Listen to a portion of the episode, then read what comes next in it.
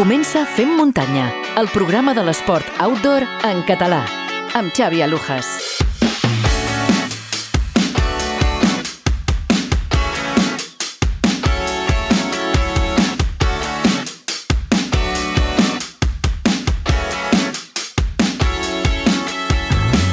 Hola, benvingudes i benvinguts al Fem Muntanya, el programa de podcast dedicat íntegrament a la muntanya i als esports outdoor. Com cada dijous, tornem amb un nou programa i amb el d'avui en sumem 43.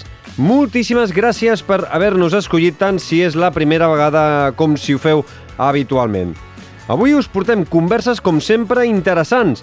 La primera d'elles ens ajudarà a conèixer qui és l'Oriol Sanz. Té 54 anys i ben aviat començarà un repte que el mantindrà ocupat durant 12 setmanes. Ens explicarà el repte de les 100 pics i què és el que el motiva a dur-ho a terme.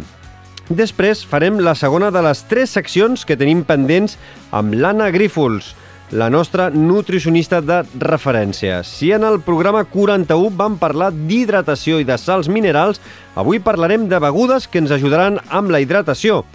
Sabrem com les podem combinar amb l'alimentació, què hem de tenir en compte per evitar dolors estomacals i com les podem preparar de forma casolana.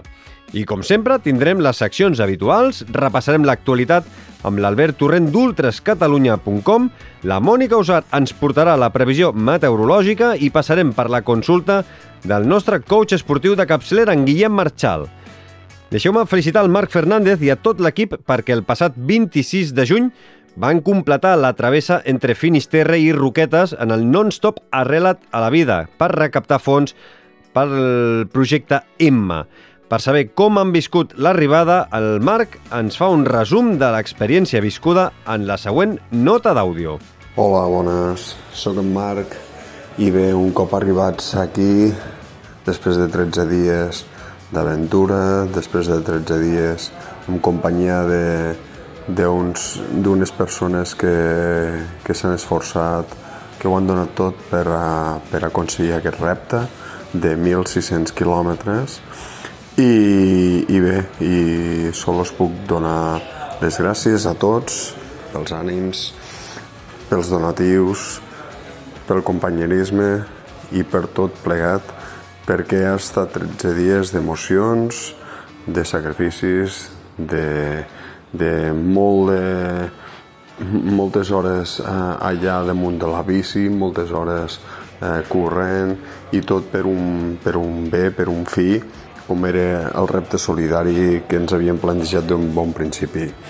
El dia 14 vam, vam iniciar un repte de 1.600 quilòmetres que unia eh, el cap de Finisterre amb el municipi de Roquetes, a les Terres de l'Ebre, i, i des d'un primer, un, bueno, des d'un primer moment eh, vam creure i vam veure que, que podia ser, que, que podíem fer en realitat, eh, que sabríem que ens costaria molt, que seria molt dur, però al final ho hem aconseguit.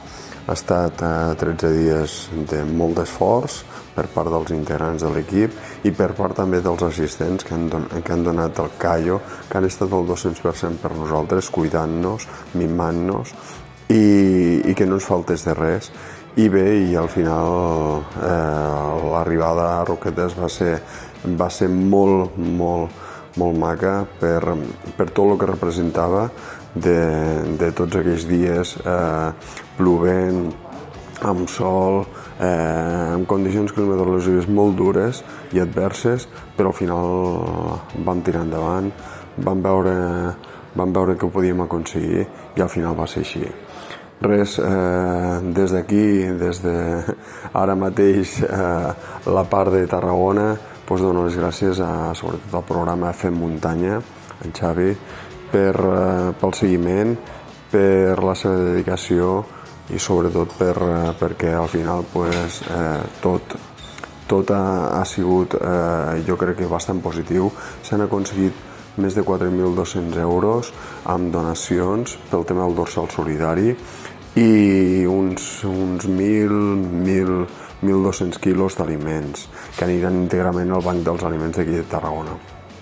Jo crec que, que la, la fita eh, era donar a conèixer un projecte com era el projecte M, donar-li visibilitat, la que, la que fos i, i la que poguéssim veure des de fora d'aquí de, del territori.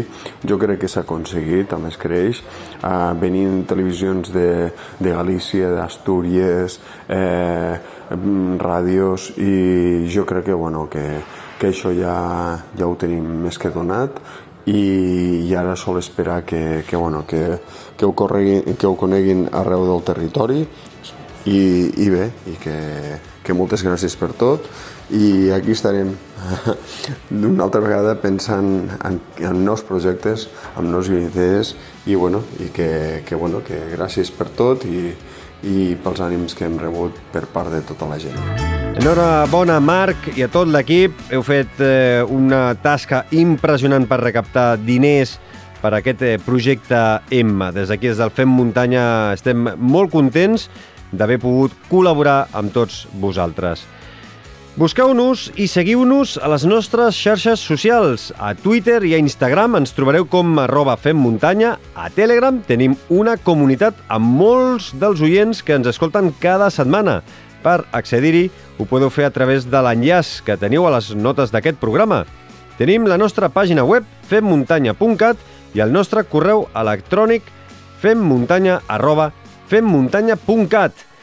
En seguida entrem en matèria, però abans us recordo una vegada més que teniu una manera molt senzilla de col·laborar amb el programa.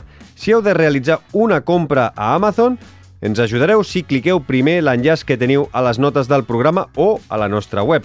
Aquest enllaç d'afiliats us portarà directament al portal de compres, a vosaltres no us costarà res i a nosaltres ens ajudareu. I ara sí, que ja ho tenim tot preparat, ens lliguem les sabatilles i sortim, com sempre, a fer muntanya!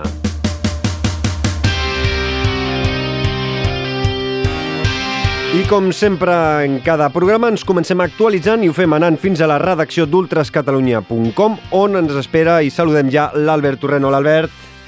Hola, Xavi, què tal? Comencem eh, repassant protagonistes d'aquest eh, passat cap de setmana i ho fem eh, par parlant de la Clàudia Trems, que ha corregut aquest cap de setmana a l'Andorra 100.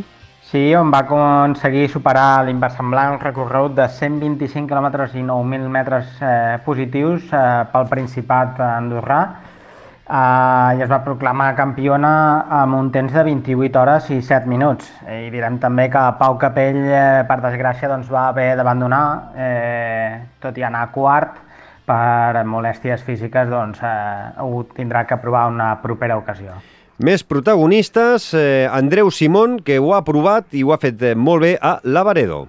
Sí, que va aconseguir la segona posició de la Lavaredo Ultra Trail de 120 km en la prova més llarga disputada fins ara pel corredor català. Una victòria que va ser per eh, l'alemany Heinz Namberger. I Ragnar Davats, eh, podríem dir que és mata de perenca d'adopció, eh, ha fet un paper espectacular a la Western. Sí, va entrar la llegenda de la mítica Western States a 100 als Estats Units amb un increïble bronze. Beth Pascal va guanyar la cursa femenina firmant la, el segon millor registre de la històrica prova i de fet direm que les tres primeres noies van ocupar el top 10 de la general, algo històric fins ara. Eh, I en categoria masculina, doncs, Jean Wamsley, que va aconseguir el triplet de victòries. Tornem cap a casa nostra per repassar el que ha donat de si algunes de les eh, curses que s'han disputat eh, a casa nostra i ho fem anant fins a Prats de Lluçanès a la Cros de Sant Joan.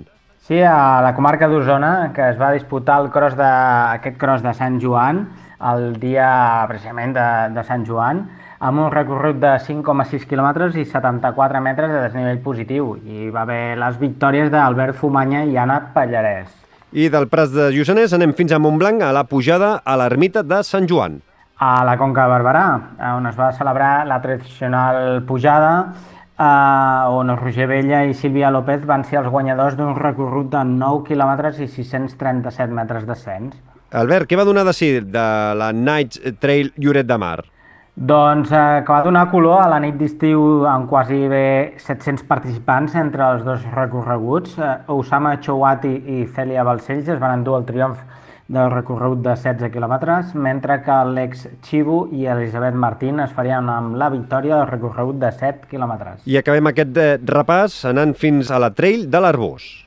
El Baix Penedès, que tornava a gaudir del seu trail de l'Arbós després de la pandèmia amb dos circuits. Eh, Georgiel Comanes i Aida Pérez van ser els més ràpids en el recorregut de 14 quilòmetres, mentre que Alejandro Baceiredo i Estela Beazutti en la cursa més curta de 7 quilòmetres. Molt bé, i a veure, eh, acabem aquest eh, repàs eh, sabent una miqueta obrint l'agenda per aquests eh, propers eh, 3 i 4 de juliol, que és el proper cap de setmana.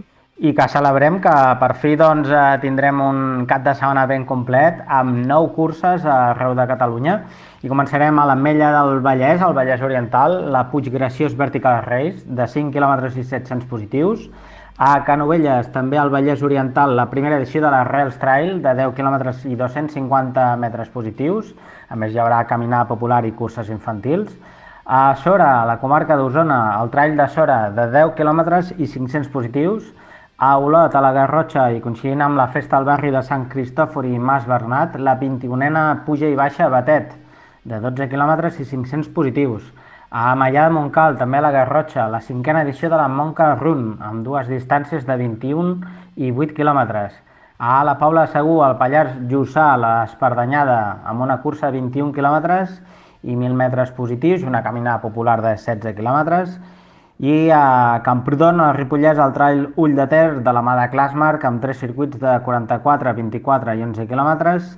A Beret, a la Vall d'Aran, la Summer Beret Montgarri Run, amb tres circuits de 17, 12 i 6 quilòmetres. I acabarem a Ull de Molins, al Priorat, la Trall de les Ermites, amb tres circuits de 26, 10 i 5 quilòmetres déu nhi com tenim l'agenda per aquest eh, proper cap de setmana. Quina alegria poder escoltar tantes curses. Molta. Les seguirem eh, la setmana vinent aquí al Fem Muntanya i també les podem llegir a ultrascatalunya.com. Albert Torrent, moltíssimes gràcies, cuida't i fins dijous vinent. Fins dijous vinent.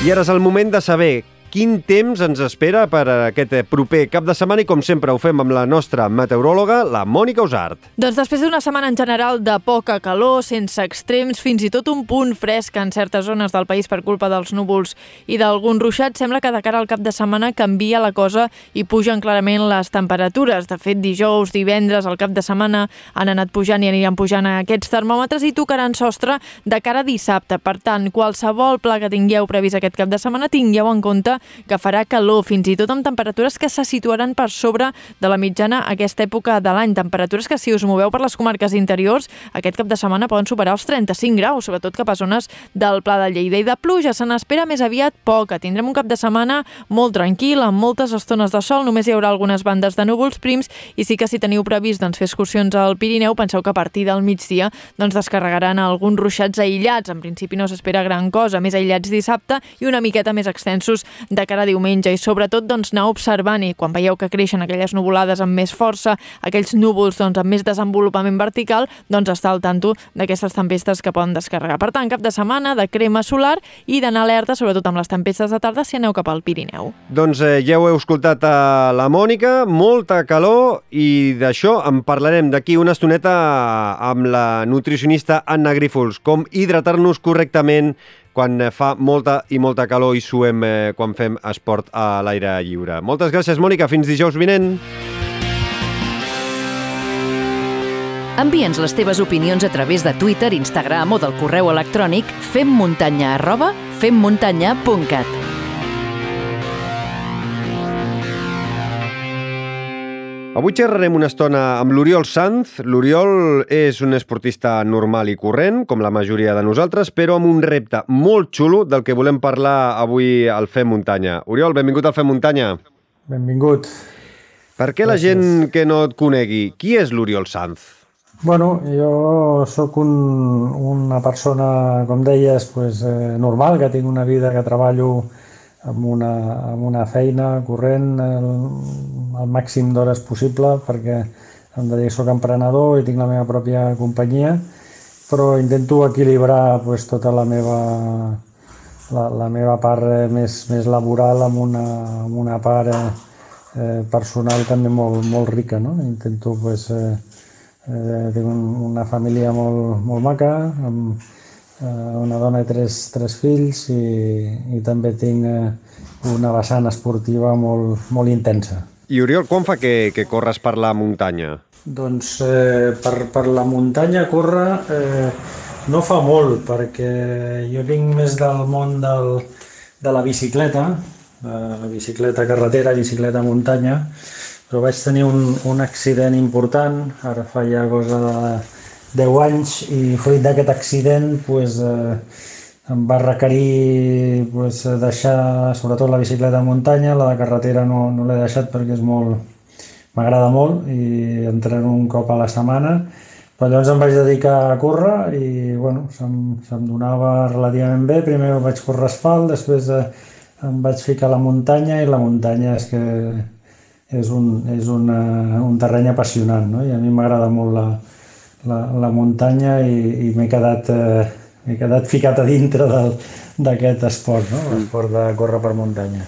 Oriol, ara parlarem del repte, eh? però fins a, a dia d'avui, en aquests eh, 10 anys, de quines curses o quins eh, reptes ha, has pogut gaudir? Bueno, he anat fent de menys a més, no? Vaig començar, com et deia, amb asfalt i vaig començar pues, fent curses eh, curtes. Eh, sempre jo, jo sóc una persona de, de resistència, no? I per tant, sempre més, més enfocada eh, ja quan et dic curtes pues, vaig començar a fer pues, eh, quilòmetres, de, 10 quilòmetres de, de, de cursa, després a mitges maratons, maratons, i quan em vaig ficar a la, a la muntanya, pues, el mateix, no? començant per mitges maratons, maratons llargues, vaig fer de seguida la, la Matagalls Montserrat i se'm va donar molt bé, vaig, vaig arribar a dalt molt ràpid, amb 9 hores 45, que, que està molt bé, i a partir d'aquí pues, vaig anar, anar voltant Catalunya, no? vaig anar fent curses, eh, inclús em vaig inscriure un any a la, a la, al Campionat de, de Catalunya de curses de resistència i l'Ultra Pirineu, que l'he fet diversos cops, eh, la, la Kilian Clàssic, eh, bueno, m'agrada molt, totes les curses són molt xules i la Trail Costa Brava, aquí al camí de ronda de, de tota la part de, de la Costa Brava i, i bueno, he anat fent unes quantes curses, sí, de, entre 8 i 10 cada, cada any, més o menys faig. Oriol, he pogut llegir un, un PDF amb informació sobre el projecte del qual parlarem ara i, i al final a l'última pàgina o la penúltima pàgina eh, eh, poses el meu modest palmarès. Eh, bueno, modest, eh, no sé com... Està, està bé que ho diguis que, que, que de, de part teva que és modest, eh, però Res, faré referència a quatre curses, si vols, així una mica al tuntun. Matagalls Montserrat de l'any 2012, tercer classificat. Uh, la, la Marató de Montserrat del 2013, segon classificat màster. l'Ultra Pirineu del 2014, eh, segon classificat màster i 45è a, a la general, eh, per dir algunes, eh? eh Uh, la Marató Pirineu de l'any 2017, primer classificat màster. De, de fet, els teus resultats són molt i molt espectaculars. Bueno, home, la, la veritat és que no, per un aficionat no, no, no està malament, no? El que passa que poso modest perquè que sóc una persona modesta, però a part, clar, qualsevol eh, professional que es miri això pues no, no, no té res a veure amb un palmarès eh, de, de gent de, de, del nivell, no? I, i sobretot que, que la majoria de, de podis que he aconseguit doncs, són podis de categoria, no? de categoria màster, doncs ja tinc més de 50 anys i per tant eh, la majoria són, són podis de, de màster, no? però bueno, estic orgullós, la veritat és que se'm dona... I tant, i tant que sí que has d'estar orgullós, eh? no, no és fàcil, eh? encara que, que siguin podis de, de màster, cada vegada hi ha més gent que, que va passant dels, dels 50 anys i, i cada vegada hi ha més eh, nivell. Eh, quantes hores entrenes eh, o, que, o estàs entrenant actualment a la setmana, Oriol? Jo entreno més o menys, entreno pràcticament cada dia i, i entreno entre dos i tres hores, entre pitos i flautes que, que m'hi poso, no m'hi poso i després a l'acabar l'entrenament fas estiraments, etc. Doncs entre dos i tres hores al dia. Eh, hi ha dies que més, hi ha dies que, que faig tirades més, més llargues, no? Avui, avui he estat 4 hores a la muntanya i hi ha dies que faig tirades més curtes, no? Mm, vale, a veure, una, eh, hem situat una miqueta aquí, és Oriol Sanz. Eh, ara ve la pregunta de pel, per què estem parlant amb tu. Eh, estàs preparant un repte eh, realment eh, xulo, difícil, eh, que portarà unes quantes setmanes. Explica'ns una miqueta com es diu el repte i explica'ns una miqueta en què consisteix, Oriol. Sí, el, el, el repte, tal com el vaig eh, planificar i, i somiar, era el, el repte essència, no? Perquè Una mica, eh, resumint, tractava de buscar la l'essència de, de, de mi mateix, no? Intentar trobar-me a mi mateix, fer el que, el que m'agrada i no només des del punt de vista esportiu i el vaig eh, anomenar així. No? Després li hem donat un, un nom a Instagram i li estem donant un nom més, més de difusió que és la 100 pics, una mica doncs, per, per donar-li aquest, eh, aquest motllo una mica més de, de difusió. No? Però la idea és que bueno, se'm va ocórrer, a mi m'agrada, sóc una persona, m'agraden els projectes i els reptes i, i vaig començar a pensar en el confinament a veure què, què se m'ocorria i, i, bueno, i va sortir això, doncs un, una, un projecte que tenia una vessant esportiva, que era pujar, pujar 100 pics en 12 setmanes, eh, una mica inspirat amb el, amb el model dels 100 cims de la Federació Catalana, però també sense deixar de treballar, vale? donant-li aquesta component de, de seguir amb la meva rutina diària. Ara, 12 setmanes són moltes, jo no em puc permetre deixar de treballar, a més és- m'a- m'agrada treballar i crec que seguir la meva rutina li donava doncs, un caire també especial i després compartir-ho amb, amb gent propera i que, que em vinguessin a veure el, els meus amics, la, la meva família i tota la gent que, que estimo per, per, per, bueno, per, per compartir l'experiència amb ells i també obrir-ho al, al, al món i donar la meva visió de com, de com s'afronten aquest tipus de, de reptes. No? Mm -hmm. Vale, ja ho tenim situat, les 100 pics, eh, pujar 100 pics, eh, que són els 100 pics de la, de la FEC, que marca la FEC, no?, en principi? Serien pujar els 100 pics de la FEC. Sí, la, la, la federació eh, estableix 150 cims essencials, dels quals tu en tries eh, 100, et registres i vas fent, te'ls valida el teu president del club excursionista i, i, i vas fent fins a 100 de 150 que has de triar. No? I, tu has, tri- triar... i, I tu has triat 100 pics d'aquests 150 i ho vols fer-ho tot en eh, 12 setmanes. Mm, Llavors, quan començaries, o quan tens previst començar i quan tens previst acabar, si tot va bé? Sí, la idea és el, el 15 de, de juliol i agafo la- l'autocaravana i me'n vaig cap als ports, que és on, on començaria el, el, el projecte i acabaria el 7 d'octubre si tot va bé. És a dir, que les 12 setmanes acaben en el, en el 7 d'octubre. No? I, I tens constància que hi hagi alguna persona més que hagi fet eh, els 100 pics eh, eh, en tan poc temps? No, la veritat és que no, no, no en tinc constància, però tampoc ho he, ho he buscat. Eh? Vull dir que al final jo vaig dissenyar aquest, eh, aquest repte personal no per ser únic, no? sinó per gaudir-lo al màxim i, i per, per fer un projecte que a mi em motivés molt. No? I la veritat és que no ho sé. No sé si el, algú altre que, que ho hagi pensat abans eh, m'estranyaria perquè m'he posat en contacte amb la, amb la FEC i amb, amb molta gent eh, he estat parlant per dissenyar bé el projecte i no, no, no, no ha sortit aquest... Que hi hagi algú que ho hagi aquesta- fet aquesta tan poc temps. Eh, eh, si, si comencem a, a comptar, són 84 dies, 100 pics, això vol dir que més d'un dia has de fer més d'un pic. Eh, has parlat d'autocaravana, has parlat de que no vols deixar les teves eh, rutines. A veure, explica'ns una miqueta com tens pensat la logística de, del repte, és a dir, el teu dia a dia com serà? Eh, un cop comencis el eh, 15 de juliol, eh, fins al eh, 7 d'octubre, com seran aquests 84 dies cada dia per eh, doncs, eh, desplaçar-te de zona a zona a l'hora de fer les diferents eh, rutes? Com, com ho tens pensat? Com, què tens al cap? Sí, la, la idea, bueno, ho tinc bastant planificat tot, eh, perquè al final la, la logística és molt complexa, no? Eh, no només perquè t'has de moure per tot el territori, sinó perquè per teletreballar doncs, necessites cobertura, necessites... Eh, jo em, em connecto i faig molta videoconferència, amb la qual eh, necessitaré cobertura i la idea és anar-me aproximant a, als diferents cims amb l'autocaravana però que com jo sempre aniré acompanyat, hi haurà un, un company que, que estarà convivint amb mi en cada, en cada moment, que serà gent, gent diferent, no? però aleshores utilitzaríem el cotxe l'acompanyant per el cotxe, el 4x4, el que requereixi en cada punt, per fer l'aproximació al cim, jo faig el, el cim, baixo, em torno l'acompanyant a l'autocaravana i en principi jo estableixo com a horari visible de la meva feina de 12 a 2 i de, de 3 a 6 i a partir de les 6 doncs la, deix, deixo la, la feina em poso a planificar el dia següent, a parlar amb el company que, que estigui en aquell moment compartint amb mi, de, em desplaço a una altra zona si cal desplaçar-se, etc. I, i bueno, fer la, la rutina de, de, de fer menjar, de, de rentar el que calgui, etc. La meva idea és aixecar-me cada dia a les 6 i, i acabar-me anant a dormir sobre les 9, que és la, el, el meu dia a dia habitual. Eh? Uh -huh.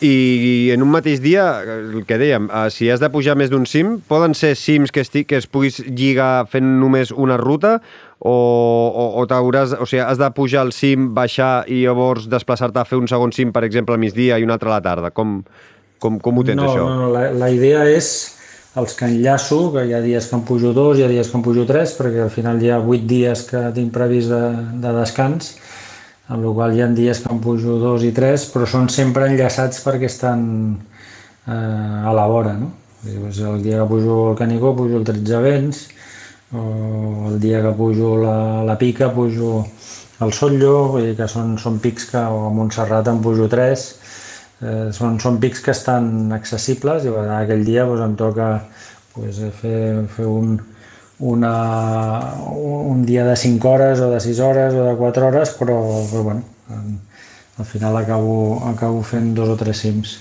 Mm -hmm. Uh, I llavors, has dit que teletreballes. Uh, podem saber uh, a què et dediques per poder tenir uh, el cap amb una cosa? Perquè, clar, no vols deixar de treballar i, i les cames a, amb una altra, eh? Sí, sí. Sí, no, jo soc consultor uh, de, de temes tecnològics i, i aquesta és la meva, la meva professió que m'agrada moltíssim, que la comparteixo amb dos socis més, tenim una companyia, ens dediquem a, a assessorar i a fer consultoria amb, amb eh, companyies mitjanes grans per ajudar-los amb tot el tema de la transformació digital i tot el que sigui en temes tecnològics. Mm -hmm. Per quin... La, la, Disculpa, Oriol, t'anava a preguntar, per quin cim, eh, has dit que començaràs per les Terres de l'Ebre, eh, per quin cim vols començar?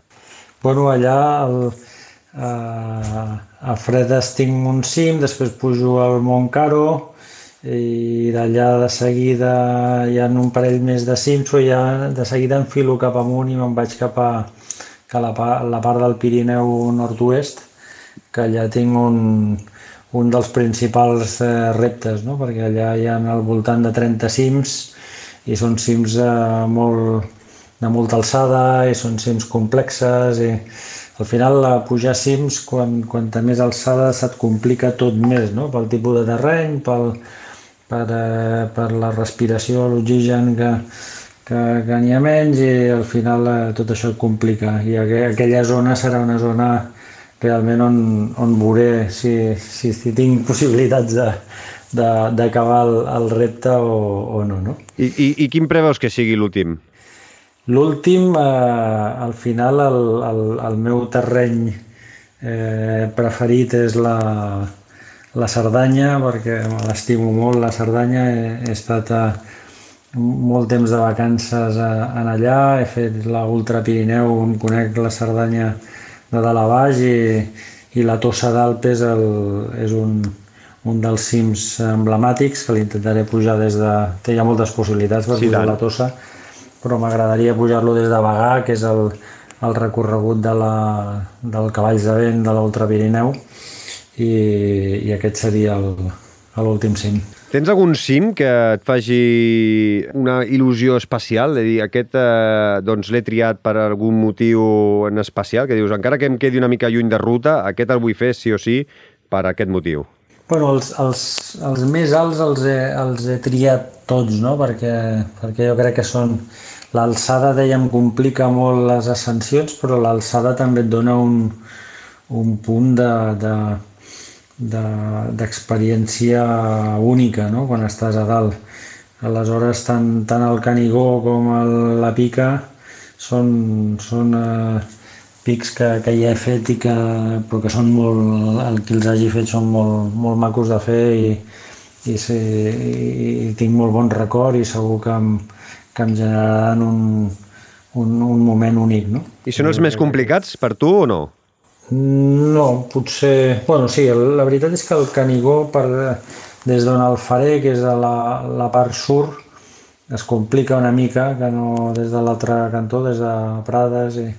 però sí, el Canigó potser és el dels dies més, més complicats, no? però també són complicats els dies que enllaço eh, tres cims, no? amb la qual eh, això i, i no sabràs mai la complicació al final a la muntanya et pot venir per, per altres motius, no? et pot venir per, per, per un dia que per lo que sigui estigui plovent, per un dia que sigui eh, més difícil, que no et trobis tan bé, que, que, que et falti aigua o, o el que sigui. No? Al final no, no, no saps mai com, com et trobaràs i en què et trobaràs i això et pot complicar. Oriol, has dit que la idea sorgeix del confinament. Ja sabem que el confinament ha fet molt mal a, a molts nivells Eh, ja n'hem parlat amb alguns eh, convidats, amb alguns eh, amics aquí al Fem Muntanya que han sortit eh, grans idees durant el confinament. El, la 100 pics, eh, doncs, eh, en el teu cas, és, eh, un exemple ben clar. Però quan fa que estàs planificant eh, fer aquest repte? Allò que dius, en, en tema pressupostos, eh, tracks, eh, saber què faràs eh, durant aquests 84 dies. Quan, quan, quan temps fa que, que hi estàs treballant? Jo de, de veritat, veritat, eh, fa tres mesos, vale? perquè al final les idees, els somnis eh, eh, passen a, a convertir-se en realitats en el moment que, que, que comences a planificar i a decidir-te, no? Jo la decisió la vaig prendre fa tres mesos, al final és una decisió que no és fàcil perquè jo tinc un, un, un, una família i, i m'agrada viure molt, molt amb ells i, i fer activitats amb ells, és un moment de, també d'estiu, de vacances, en el qual eh, hi havia una, un, un, una complexitat eh, vam tirar endavant amb aquest repte i quan vaig veure que, que tots hi estàvem d'acord doncs vam, vam tirar endavant i, i, i de fet estem tirant tots endavant perquè tinc tota la, tota la família que són uns cracs tots ajudant-me el, el meu eh, la meva dona m'ajuda amb, amb tot, absolutament tot el, el, el fill, la meva filla gran m'ajuda sobretot amb el tema de les, de les xarxes i també s'apuntarà a pujar algun, algun amb mi. Ara Oriol, ara, ara t'anava a preguntar, sí. de, de, de, la, de la teva dona i dels, te, eh, dels teus tres fills, eh, t'acompanyaran fent alguns cims eh, d'aquest cent o no? Sí, en principi la, la meva filla gran eh, vol, vol eh, pujar al hi ha algun altre cim amb, amb mi, el, el, el meu fill, el segon, tot i que ara està lesionat, que ha tingut una petita lesió a l'isquio, eh, volia eh, pujar amb mi eh, des de Banys de Tredors eh, a tres cims que volem fer allà al Parc eh, d'Aigües Tortes. Uh mhm. -huh.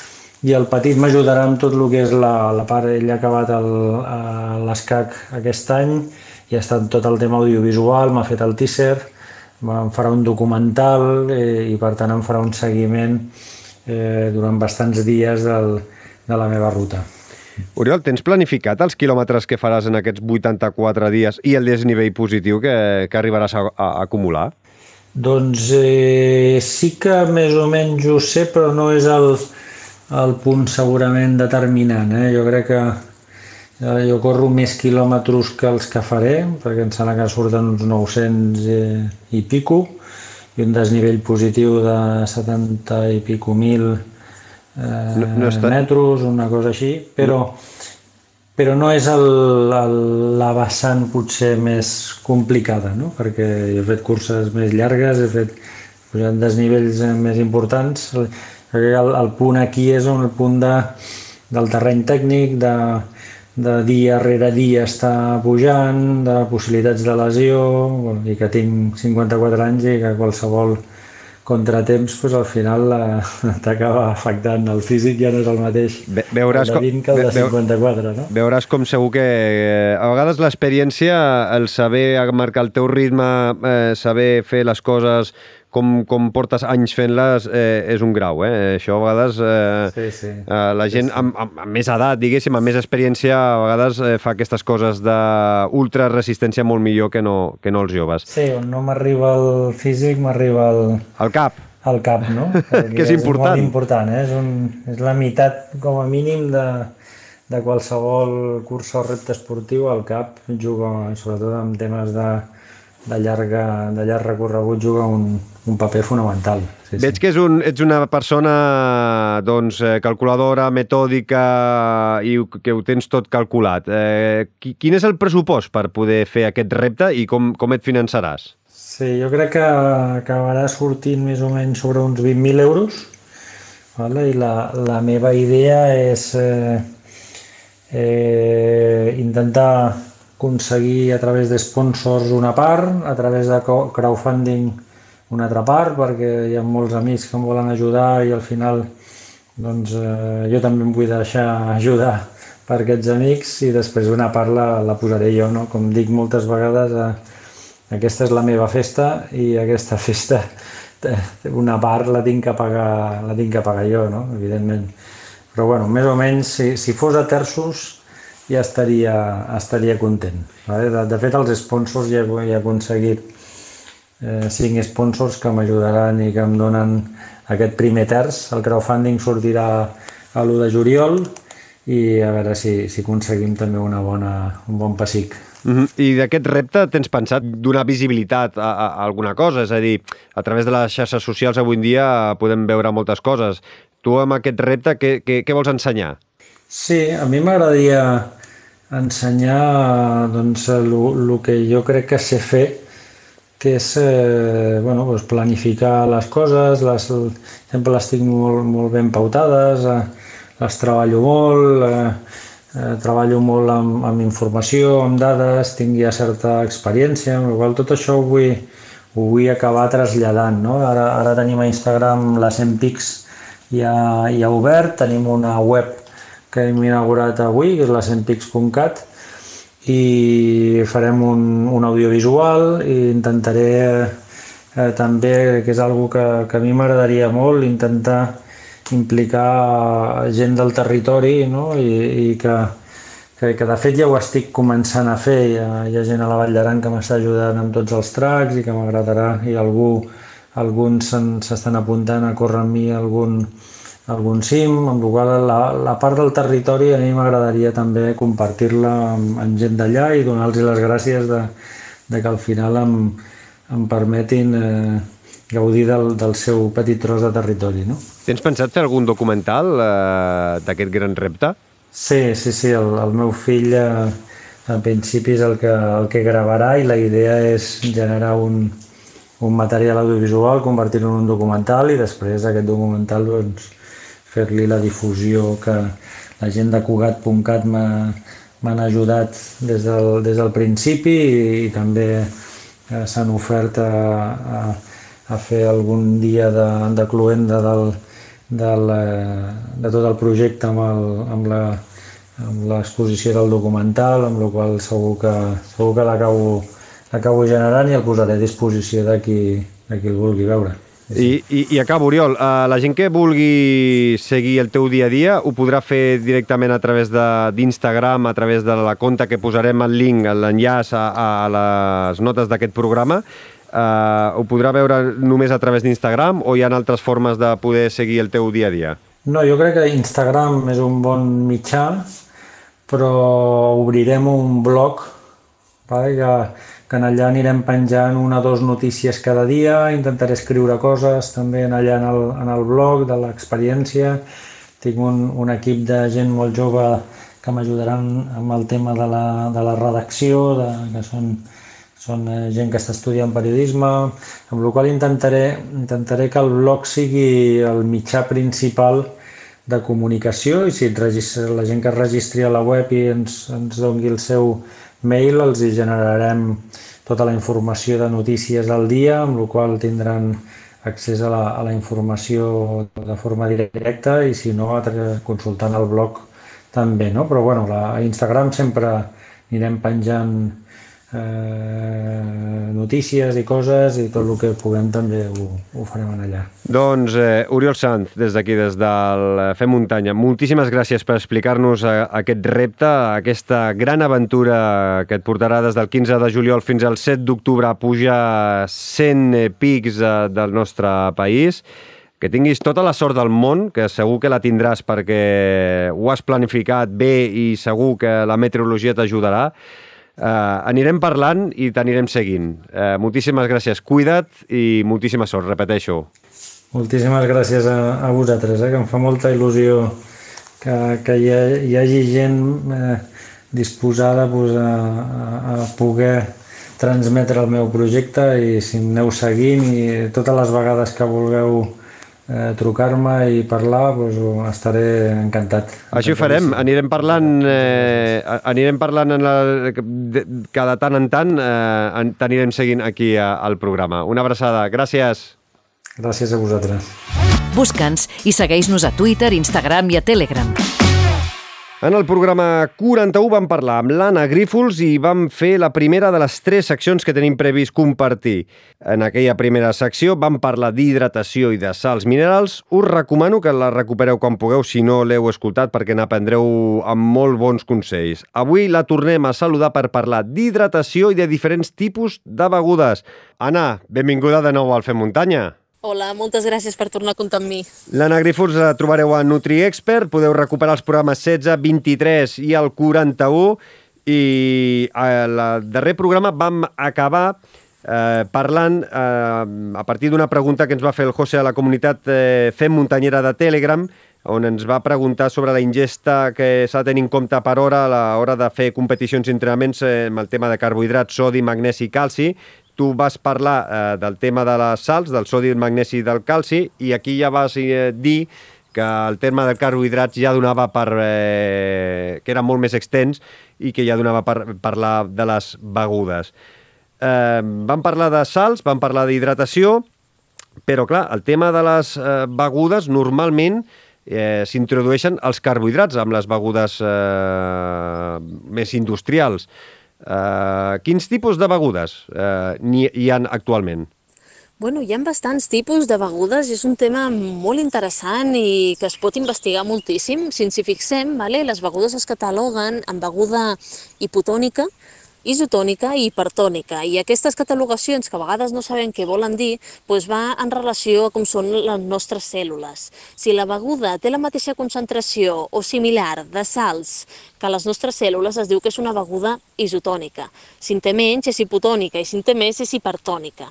Llavors, doncs, en base a això, doncs ja podem saber una miqueta com són. Ara, les begudes esportives, a part de sals, també han de portar carbohidrats.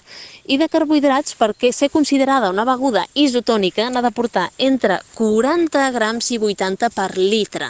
Això vol dir que en un bidonet doncs, ens aportaria entre 20 i 40 carbohidrats i si ens el bevem per hora, doncs això serà el que ens endurem per hora. I si és per dues hores, doncs per dues hores. Llavors, les hipotòniques, a part de les sals que tenen que ser una miqueta inferior a la concentració de les nostres cèl·lules, doncs també ha de tindre menys quantitat que aquests 40 grams per litre de carbohidrats. I les hipertòniques, més quantitat de sals, però també més de 80 grams de carbohidrat uh mhm. -huh. per litre. I les hipertòniques? Doncs pues mira, les hipertòniques podem tenir, per exemple, les begudes de recuperació, que serien considerades hipertòniques, però després també hi ha una beguda hipertònica que tots prenem en algun moment i que ens pot anar molt bé en, en alguns moments de la competició, com pot ser la Coca-Cola. Ojo, aquí, la Coca-Cola no porta sals, però sí que porta més de 80 grams per litre de carbohidrat. Per això a vegades quan estem molt fumuts, el que ens entra i el que ens ve de gust és la Coca-Cola, no per la Coca-Cola en si, sinó per la quantitat de sucre i de carbohidrat que ens aporta. Llavors, eh, jo et pregunto, totes les begudes que, bé, que ens prenem mentre estem entrenant i competint, eh, totes tenen sals eh, incloses, és a dir, sodi, potassi, magnesi, per exemple, i calci, o mm, la majoria no en tenen eh, tanta quantitat de sals i estan més carregades de, de carbohidrats? Mira, si aquesta pregunta mateix me l'haguessis fet fa 10 anys, et diria que el, la major part de les begudes isotòniques estaven mal formulades, perquè tenien una quantitat correcta de, de carbohidrats, però en canvi no tenien quasi sals minerals. Això es va anar, doncs, al llarg d'aquests últims 10 anys, s'ha anat reformulant tot, ha anat canviant, ha anat creixent tot el coneixement en nutrició esportiva. Ara són poques les begudes que no aportin les sals, eh, almenys una miqueta de sal. Sí que és veritat que no m'ha arribat al mínim que marca que es marca en les guies alimentàries de nutrició esportiva, que serien doncs, uns 450 mil mil·ligrams de sodi estem parlant sempre de sodi quan parlem de sals per litre. Vale? Quan nosaltres mirem les quantitats, doncs a vegades doncs ens quedem amb, amb 400, amb 360, però ja és més de lo que hi havia abans que no hi havia res. Però sí que és veritat que hi ha algunes begudes que decideixen no aportar sals. Aquest és, eh, és interessant també tindre una beguda sense sals, per algun tipus d'esportistes, com podria ser els nedadors d'aigües obertes salades, ja que si naden en, en mar obert, doncs llavors ja simplement en passant-se la mica d'aigua que se'n passaran, doncs ja estaran incorporant sals en, en el seu cos i no hauríem de portar, en aquest cas, sals. En canvi, en corredors, en ciclistes, amb tot el que són els altres esports on no hi hagi un contacte doncs, amb algú salat, doncs sí que és veritat que és molt necessari que hi hagi aquest sodi i si no ho aportem en base a la isotònica, almenys aportar-ho de forma externa, com vam parlar l'últim cop de tot el tema de les sals. Llavors, la isotònica, el bo que té és que ens aportarà dues coses. Ens aporta una part de les sals, ens aporta una part dels carbohidrats. Però no a tothom li va bé la isotònica. Jo aquí per als que no els hi vagi bé, els hi diria que no es cansin de provar marques noves, perquè a vegades, eh, en funció del, de la química, de com ho hagin fet, del tipus d'ingredients, doncs ens senta millor o ens pot sentar pitjor. A veure, diferents preguntes a l'hora de combinar. Totes les begudes isotòniques eh, es poden mesclar, per exemple, amb càpsules de sals? És a dir, perquè la beguda no té suficient quantitat de sals, en té, però no, no arribes als 400 mil·ligrams que dius per hora, Llavors, eh, es poden barrejar amb les càpsules totes les begudes? La major part de les begudes isotòniques, si no arriben a aquests 450 mil·ligrams, podem afegir-li eh, les píldores de sodi. Ojo, no obertes a dintre, que això m'ho acostumen a preguntar moltíssim. Diuen, Anna, i si jo obro la càpsula i la fico dintre per no prendre'm la càpsula?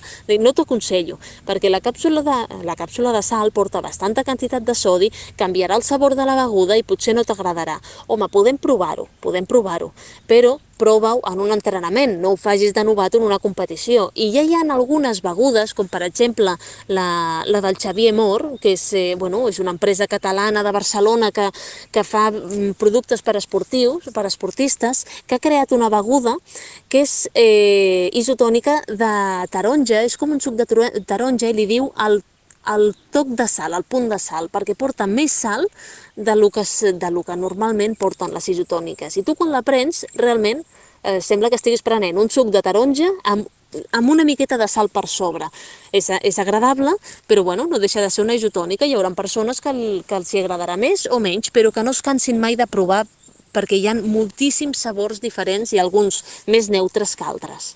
I les begudes isotòniques totes es poden eh, combinar amb gels energètics o barretes eh, energètiques, ja siguin naturals o, o, o industrials? No, no. Aquest, aquest tema és un tema també molt, molt interessant de tocar perquè quan nosaltres fem, fiquem-nos al cas, vale? jo planifico una, una prova esportiva, llavors normalment el que dic és que es vagi combinant la isotònica amb l'aigua. Vale? Llavors doncs, cada 15 minuts una presa d'isotònica, cada 15 minuts una presa d'aigua. Vale? Llavors, quan nosaltres prenem la isotònica, si estem prenent doncs, una isotònica que sigui bastant carregada amb, amb hidrats de carboni, perquè estem parlant de que pot tindre entre 40 i 80 grams per litre de, de, d'hidrats de carboni, 80 és una barbaritat. 80 seria, per exemple, un Maurten, un Betafuel, un Yukon, vale? tots aquests tenen 80 grams de carbohidrats per, per sobre. Llavors, eh, el que hauríem de fer és eh, això prendre-ho sol, sense res més. Amb aigua sola. En canvi, clar, amb, eh, bueno, la isotònica ja està, sense cap tipus de combinació, com a molt afegir-li la píldora de sal si fa falta i ja està. Vale. Per què? Perquè si no podem saturar el nostre estómac. El nostre estómac té una capacitat limitada d'absorbir els carbohidrats i hi ha diferents transportadors per diferents carbohidrats, però si nosaltres li afegim a una beguda molt carregada en carbohidrats, més carbohidrats de forma externa, al igual el, el nostre estómac no és capaç de digerir-ho tot ni d'absorbir-ho com nosaltres volem i se'ns queda per allà rebotant a l'estómac, perquè no oblidem que per absorbir els carbohidrats necessitem aigua. O sigui, la següent presa amb una isotònica molt carregada hauria de ser d'aigua per ajudar, a ajudar a acabar d'absorbir aquest eh, carbohidrat que ha quedat per allà a l'estómac o a l'intestí pendent d'absorbir-se. Llavors, eh, de totes les begudes que tu has pogut testejar o que has pogut eh, provar i has pogut mirar etiquetes, eh, quines són les que estan millor formulades des del teu punt de vista, més equilibrades eh, entre carbohidrats i sals minerals? Ostres, doncs saps què passa? Que aquí, com que jugo molt en funció de la competició i en funció de lo que vulguem, mm, depèn bastant dels objectius nostres. Per exemple, fiquem-nos al cas, ara, ara estic, ara se m'acut les competicions de la Vall d'Aran UTMB, que serà el, el juliol, no només perquè jo la corro, sinó perquè tinc moltíssima gent que les corre també les diferents distàncies, i hi ha un punt concret on hi ha una pujada constant, que quasi et fas 2.500 positius, eh, en 15 quilòmetres. Llavors, clar, aquí si hi ha algú que va molt ràpid, què passa? Que no té augmentarà la seva freqüència cardíaca i no tindrà capacitat de mastegar massa o de prendre's massa cosa de forma externa. Llavors, aquí l'estratègia doncs, seria l'igual agafar una isotònica ben carregada, d'aquestes de 80 grams de carbohidrat, per barrejar-la amb l'aigua i que puguin anar prenent al llarg de tota aquesta pujada per no tindre que, que ingerir res més i que en una hora es puguin estar, puguin estar ingerint doncs, 60-80 grams de carbohidrats i que no s'hagin de preocupar de prendre's ni cap, eh, ni cap codony, ni aliment natural, ni artificial, ni barreta. I d'aquesta manera doncs, no, no desconcentrar-se. L'altra estratègia pot ser doncs, escolta'm, eh, amb una competició que no hi hagi tant de desnivell, sinó que sigui més suau, que el ritme sigui més suau, doncs es combinen isotòniques que siguin doncs, més baixes en carbohidrats amb alimentació natural o amb algun altre gel, alguna altra barreta, per assolir també doncs, aquests depèn de si som homes, dones o la nostra tolerància, doncs de 40 a 80-90 grams també per hora. Al final l'objectiu és aquest. Quan més quantitat de carbohidrats siguis capaç d'ingerir, millor perquè s'ha vist que hi ha un efecte positiu en el rendiment. Però no tothom és capaç d'ingerir 80 grams. Les noies normalment ens quedem amb 50-60 com a molt i després els homes sí que és veritat que poden arribar doncs, als 70, 60, 70, alguns 80 i són molt pocs els que superen els 80. Que no fa falta que arribem a 100, no, no fa falta. Simplement on ens estiguem còmodes i on el nostre estómac hagi pogut provar per absorbir al màxim. Tot... I l'altra estratègia seria, doncs, al igual, no et van bé les isotòniques, prefereixes una aigua amb sals, el que serien una beguda amb electrolits, o aigua només, afegint doncs, les píldores a part, i després fer-ho tot en base a alimentació natural o barretes o gels, també. Sí, serien les tres maneres de fer-ho. Mm, uh, en aquest últim cas, en la, la secció de la setmana passada vas parlar de flectomin, que és eh, poc carregat de, de carbohidrats i, i més carregat de, de, de sals minerals. En aquest cas, per exemple, seria una bona opció per eh, eh, tirar de, de flectomin i llavors a partir d'aquí ho pots combinar amb gels, eh, ja siguin naturals, d'aquests potitos de fruita que et recomanes, que ets molt fan, o amb eh, barretes casolanes o qualsevol tipus d'altra d'alimentació, no? Sí, exactament. O sigui, hi ha, hi ha begudes isotòniques, hi ha gent que no tolera les begudes isotòniques molt carregades, llavors flectomin podria ser una, una bona isotònica perquè és molt suau. Llavors, la quantitat de carbohidrats és justeta. De fet, arriba pels pèls, eh, és que no arriba ni als 40 grams de, de carbohidrat per litre. Es queda amb 37 o així, o sigui, si ho arrodonim, sí, són 40 però en realitat és, és una miqueta inferior. Llavors, aquesta isotònica sí que la podríem combinar doncs, amb un altre aliment, siguin doncs, aquests potitos, o sigui el codony, o sigui dàtil, perquè no porta un excés d'hidrats de carboni. Però són poques. Jo, jo, a grosso modo, si algú pren isotònica, jo sempre li diré que no, bar barregi cap altre aliment amb carbohidrats amb aquella presa, que sigui només isotònica, i ja després amb la presa d'aigua que ja prengui l'altra. Mira, ara, ara ho tinc aquí davant, eh? Flectomin són mm, per cada dosis de 20 grams, eh, 16 grams de, de glucosa. Només té 64 calories per cada dosis de, de, a l'hora de mesclar amb, amb l'aigua. Uh, llavors, uh, imaginem-nos que dius, bueno, escolta, jo les coses industrials no m'acaben de sentar bé a l'estómac i vull fer alguna cosa més natural. Uh, com podríem uh, fer les nostres begudes isotòniques casolanes? Bueno, doncs mira, les isotòniques casolanes són molt més fàcil de lo que ens pensem. Necessitem una base líquida, això per suposat. Jo sempre agafo, doncs, en vez d'un litre, doncs agafo 900 eh, mil·lilitres d'aigua i després el 100 restant doncs, acostumo a ficar-hi o suc de llimona, o suc de taronja, o suc de mandarina, vale? o suc d'alguna altra fruita que nosaltres vulguem. Vale? Però sí que és veritat que els cítrics ens aporten a part la vitamina C, cosa que és interessant. Doncs un cop tenim aquest litre amb, amb el suc dels diferents dels diferents cítrics o fruites i de l'aigua doncs li afegiríem entre 40 i 60 grams de sucres i sucres podrien ser qualsevol dels que tinguem per casa, des de sucre de taula, a mel, a àgave, sucre de coco o una mescla entre ells i d'aquesta manera també seria més fàcil d'absorbir per nosaltres. I això li afegiríem entre 1 i 2 grams de sal i ja tindríem la nostra pròpia isotònica casolana. Ja està? No cal res més? No, no cal res més. Hidrats de carboni, sals i llestos. Doncs eh, super interessant de, de, de fer. Doncs, eh, Anna Grífols, eh, si no ens queda res més en el tinter, jo ja t'he fet totes els dubtes i totes les preguntes que tenia sobre el tema de, de les begudes. Ens quedaria el tema de l'alimentació estiuenca.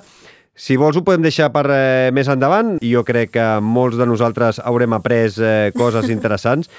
I anem parlant sobre alimentació estiuenca, eh, sobre canvi d'hàbits, sobre aliments típics de l'estiu que són més o menys eh, recomanables. Així que et citem per eh, les properes setmanes aquí al Fem Muntanya. Moltíssimes gràcies, Anna. Em sembla fantàstic, Xavi. Pues ens veiem aviat i gràcies a vosaltres. Envia'ns les teves opinions a través de Twitter, Instagram o del correu electrònic femmuntanya arroba femmuntanya.cat. Darrers minuts del programa que dediquem, com sempre, per passar per la consulta del nostre coach esportiu Guillem Marchal. El Guillem és llicenciat en Ciències de l'Activitat Física i l'Esport i Master Coach per la International School of Coaching. A la seva web guillemmarchal.com podreu llegir tots els seus articles. Molt bones, Guillem! Molt bones, Xavi, família muntanyera. De què ens vols parlar en aquest 43è Fem Muntanya? Uh, abans de parlar de res, deixa'm que et faci una pregunta. Quan et creues amb gent mentre corres, saludes? A veure, en general sí. Si em miren a la cara, saludo sempre, bon dia, hola, què tal? Uh, si veig que miren cap a tot arreu, menys a la meva cara, uh, doncs uh, intento no dir res perquè vol dir que passen de mi. No sé per què m'ho preguntes. Mira, per, perquè ja fa temps que, que aquest assumpte em, em, em ronda el cap i segurament té molt a veure amb el que tu estàs dient, eh? quan veus que t'eviten la mirada o que quan es fan els longuis per no, per no, per no saludar o per no haver-se de creuar amb tu d'alguna manera, no? A vegades són capaços inclús d'agafar eh, tracks eh, o, o traçats eh, impossibles eh, per tal de no creuar-se amb tu. I, I ahir eh, em va tornar a venir quan, al cap quan vaig veure una cosa. Anava per, per la carretera nacional 2, eh, és una carretera que habitualment és la que uneix Girona, Barcelona, etc, se'n Lleida, se'n va fins a Madrid, uh, i és una, una carretera que habitualment hi ha moltíssims ciclistes, no? I, i coincideixo amb un ciclista perfectament equipat, amb una eina entre les cames d'aquelles que, que, que costa igual que un cotxe. Em quedo al darrere perquè no, no puc avançar o no tenia garanties per, per fer-ho i, i observo que es creu amb un grup de ciclistes als que no saluda. Eh, penso per mi, deu anar tan enfocat amb el ritme que no se'n deu haver donat. Eh, després torna a creuar-se amb un altre grup i passa el mateix ja la, comença a pujar el nas a algú, no? I finalment veig com avança dos ciclistes eh, i, i ni tan sols els hi fa un gest de deferència, no?, quan avances algú. I quan vaig veure-ho em bullia la sang perquè pensava, però per què no saluda?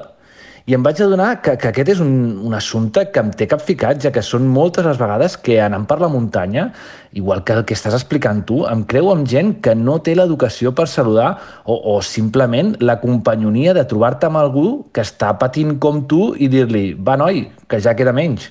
És veritat que et trobes amb gent que és una mica despistada, però de vegades et trobes gent que directament, eh, mira, que no et vulgui mirar la, la, la que no et vulguin creuar la, la mirada, en, ho, bueno, a vegades ho entens, no tinc ganes de saludar, passo de la gent, però hi ha vegades que et miren a la cara i, i directament no et diuen res, ni cap gest amb la mà, ni cap gest amb el cap, ni, ni, ni, ni res, eh? Sí, sí.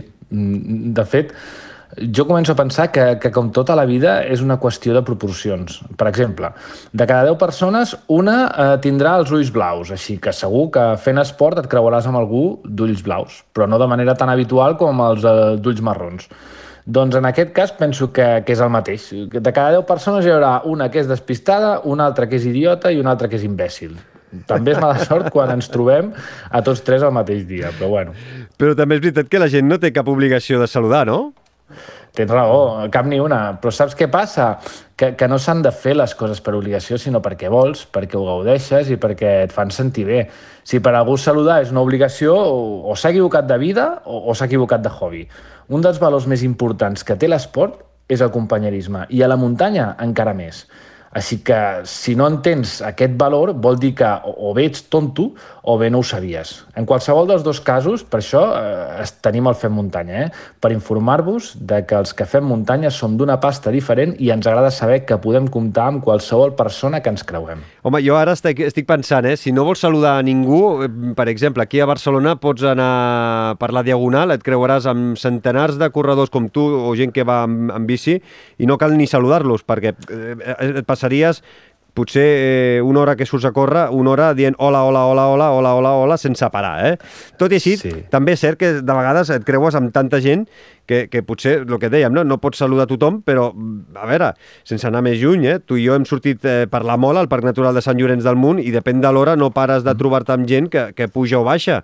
I allà no és la diagonal, vull dir, pots trobar gent però potser amb una pujada de la mola pots creuar, què, 25-30 persones eh, a Sí. les 8 del matí un diumenge. Depèn de l'hora, sí, I, i, i és totalment correcte. I, I si estigués dient d'aturar-te amb cadascuna de les persones que et trobes per donar-los la mà, fer dos petons i preguntar-los per les famílies, potser et donaria la raó, però no es tracta d'això.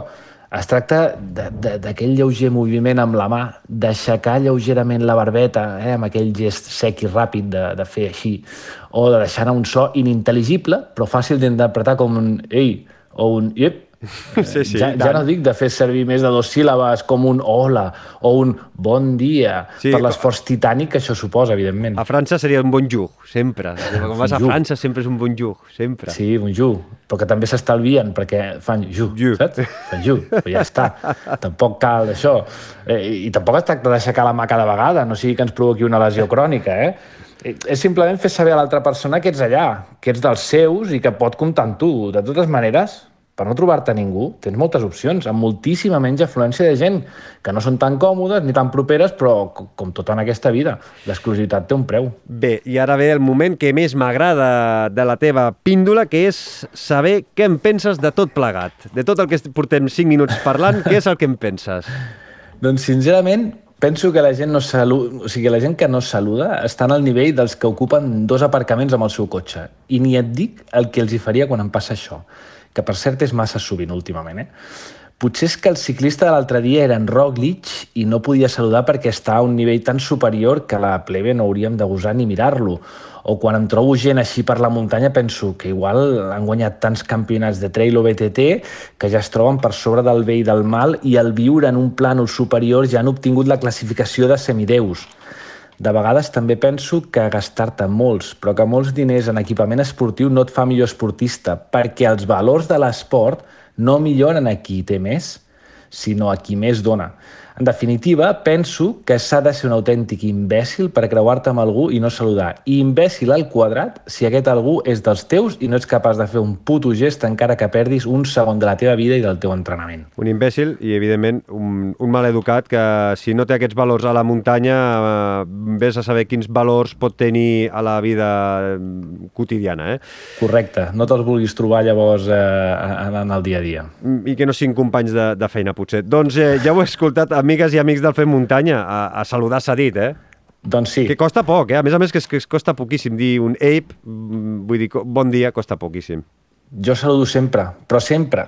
Si estic patint una pujada, saludo. Si vaig ràpid eh, per una baixada, saludo. Si vaig en bicicleta i no puc deixar anar el manillar, faig un ei. Quan estic a les curses hi ha gent animant, el saludo, perquè m'estan donant vida. Quan arribo als avituallaments, el saludo i els agraeixo la feina perquè podrien estar a casa seva i estan fent-me més còmode la cursa sense cobrar ni un euro quan em trobo amb aquells nens i nenes que et posen la mà perquè els hi xoquis, si cal em desvio per poder anar i fer-ho, perquè són feliços si ho faig, perquè podien estar amb la Nintendo Switch a casa i no, estan allà, i perquè em donen tanta energia que m'ajuden a arribar al final. Així que sí, família del Fem Muntanya, saludar no costa gens i dones molt i reps encara més. Estic segur que els oients del Fem Muntanya, la majoria, segur que la majoria són de saludar, però per si de cas n'hi havia algun que se n'oblidava, a partir d'ara ho, eh, ho tindrà en compte. I si no, ja els anirem a buscar per la muntanya. Moltes gràcies, Guillem. Ens escoltem la setmana vinent. Cuida't. Fins la setmana vinent. Fem muntanya, l'esport outdoor en català, amb Xavi Alujas. Ens apropem cap al final d'aquest Fem Muntanya número 43, però abans, com sempre, m'agrada llegir-vos alguns dels missatges que ens feu arribar a través de les nostres xarxes socials. Via Twitter, el mateix eh, Xavier Casillanis ens donava les gràcies per la conversa que vam eh, poder compartir en l'anterior programa. La podeu recuperar quan vulgueu en qualsevol plataforma de podcast o també a la nostra web femmuntanya.cat. A través de la nostra comunitat Fem Muntanyera a Telegram, el José ens deia estic fotent corriols per Cuixerola. Em farà companyia al vostre programa, referint-se al darrer programa emès el dia de Sant Joan. En Quico Sala escrivia vaig a descarregar-lo i gas amunt que fa pujada. També felicitava tots els Joans i Joanes. I en Kilian Barbeta també deia programa 42 escoltat, molt interessant, i en Guillem, com sempre, sublim. M'encanta com sap trobar les paraules exactes per expressar el que pensa. Comparteixo totalment la seva manera de veure les coses. No sabria expressar-ho millor. Amb ganes d'escoltar el següent. Doncs, Kilian, aquí tens aquest 43è programa. Moltes gràcies a tots els que ens hi dediqueu un temps en escriure'ns i dir el que penseu cada programa. Ens agrada saber el que penseu, els vostres feedbacks. Us esperem com sempre, a la nostra comunitat que tenim a Telegram. L'enllaç el teniu a les notes del programa. Moltes gràcies per escoltar tot el programa i haver arribat fins aquí, fins al final, i per la vostra confiança. Desitjo que aquest Fem Muntanya número 43 us hagi agradat i us haguem fet companyia, ja sigui si esteu ara mateix a la muntanya entrenant o gaudint, o si esteu treballant o esteu tranquils a casa. Vosaltres mateixos, si t'ha agradat, et pots subscriure a qualsevol de les moltes plataformes que distribueixen aquest programa i en qualsevol d'elles ens pots valorar amb 5 estrelles, ja que és la manera d'arribar a més oients. Escolta o reescolta qualsevol dels anteriors programes quan vulguis i no t'oblidis de passar per la nostra web femmuntanya.cat i també recomana'ns als teus amics amants de la muntanya o dels esports outdoor i així podem ser cada dia més amics a la comunitat Fem Muntanyera. I acabaré, com sempre, inestimable la feina que fa tot l'equip que això sigui una realitat. L'Albert Torrent, el Guillem Marchal, sense ell això seria impossible, la Mònica Usart, l'Oriol Sanz i l'Anna Grífols. Moltíssimes gràcies a tots per escoltar-nos un dia més. Una salutació de qui us ha parlat. Xavi Alujas, ha sigut tot un plaer. Tornarem dijous vinent amb més històries i, sobretot, molta més muntanya. Fins llavors, gaudiu de la setmana amb salut, seny i muntanya. Busca'ns i subscriu-te a qualsevol de les principals plataformes de podcast. Spotify, Apple Podcast, iVox, Google Podcast i moltes més.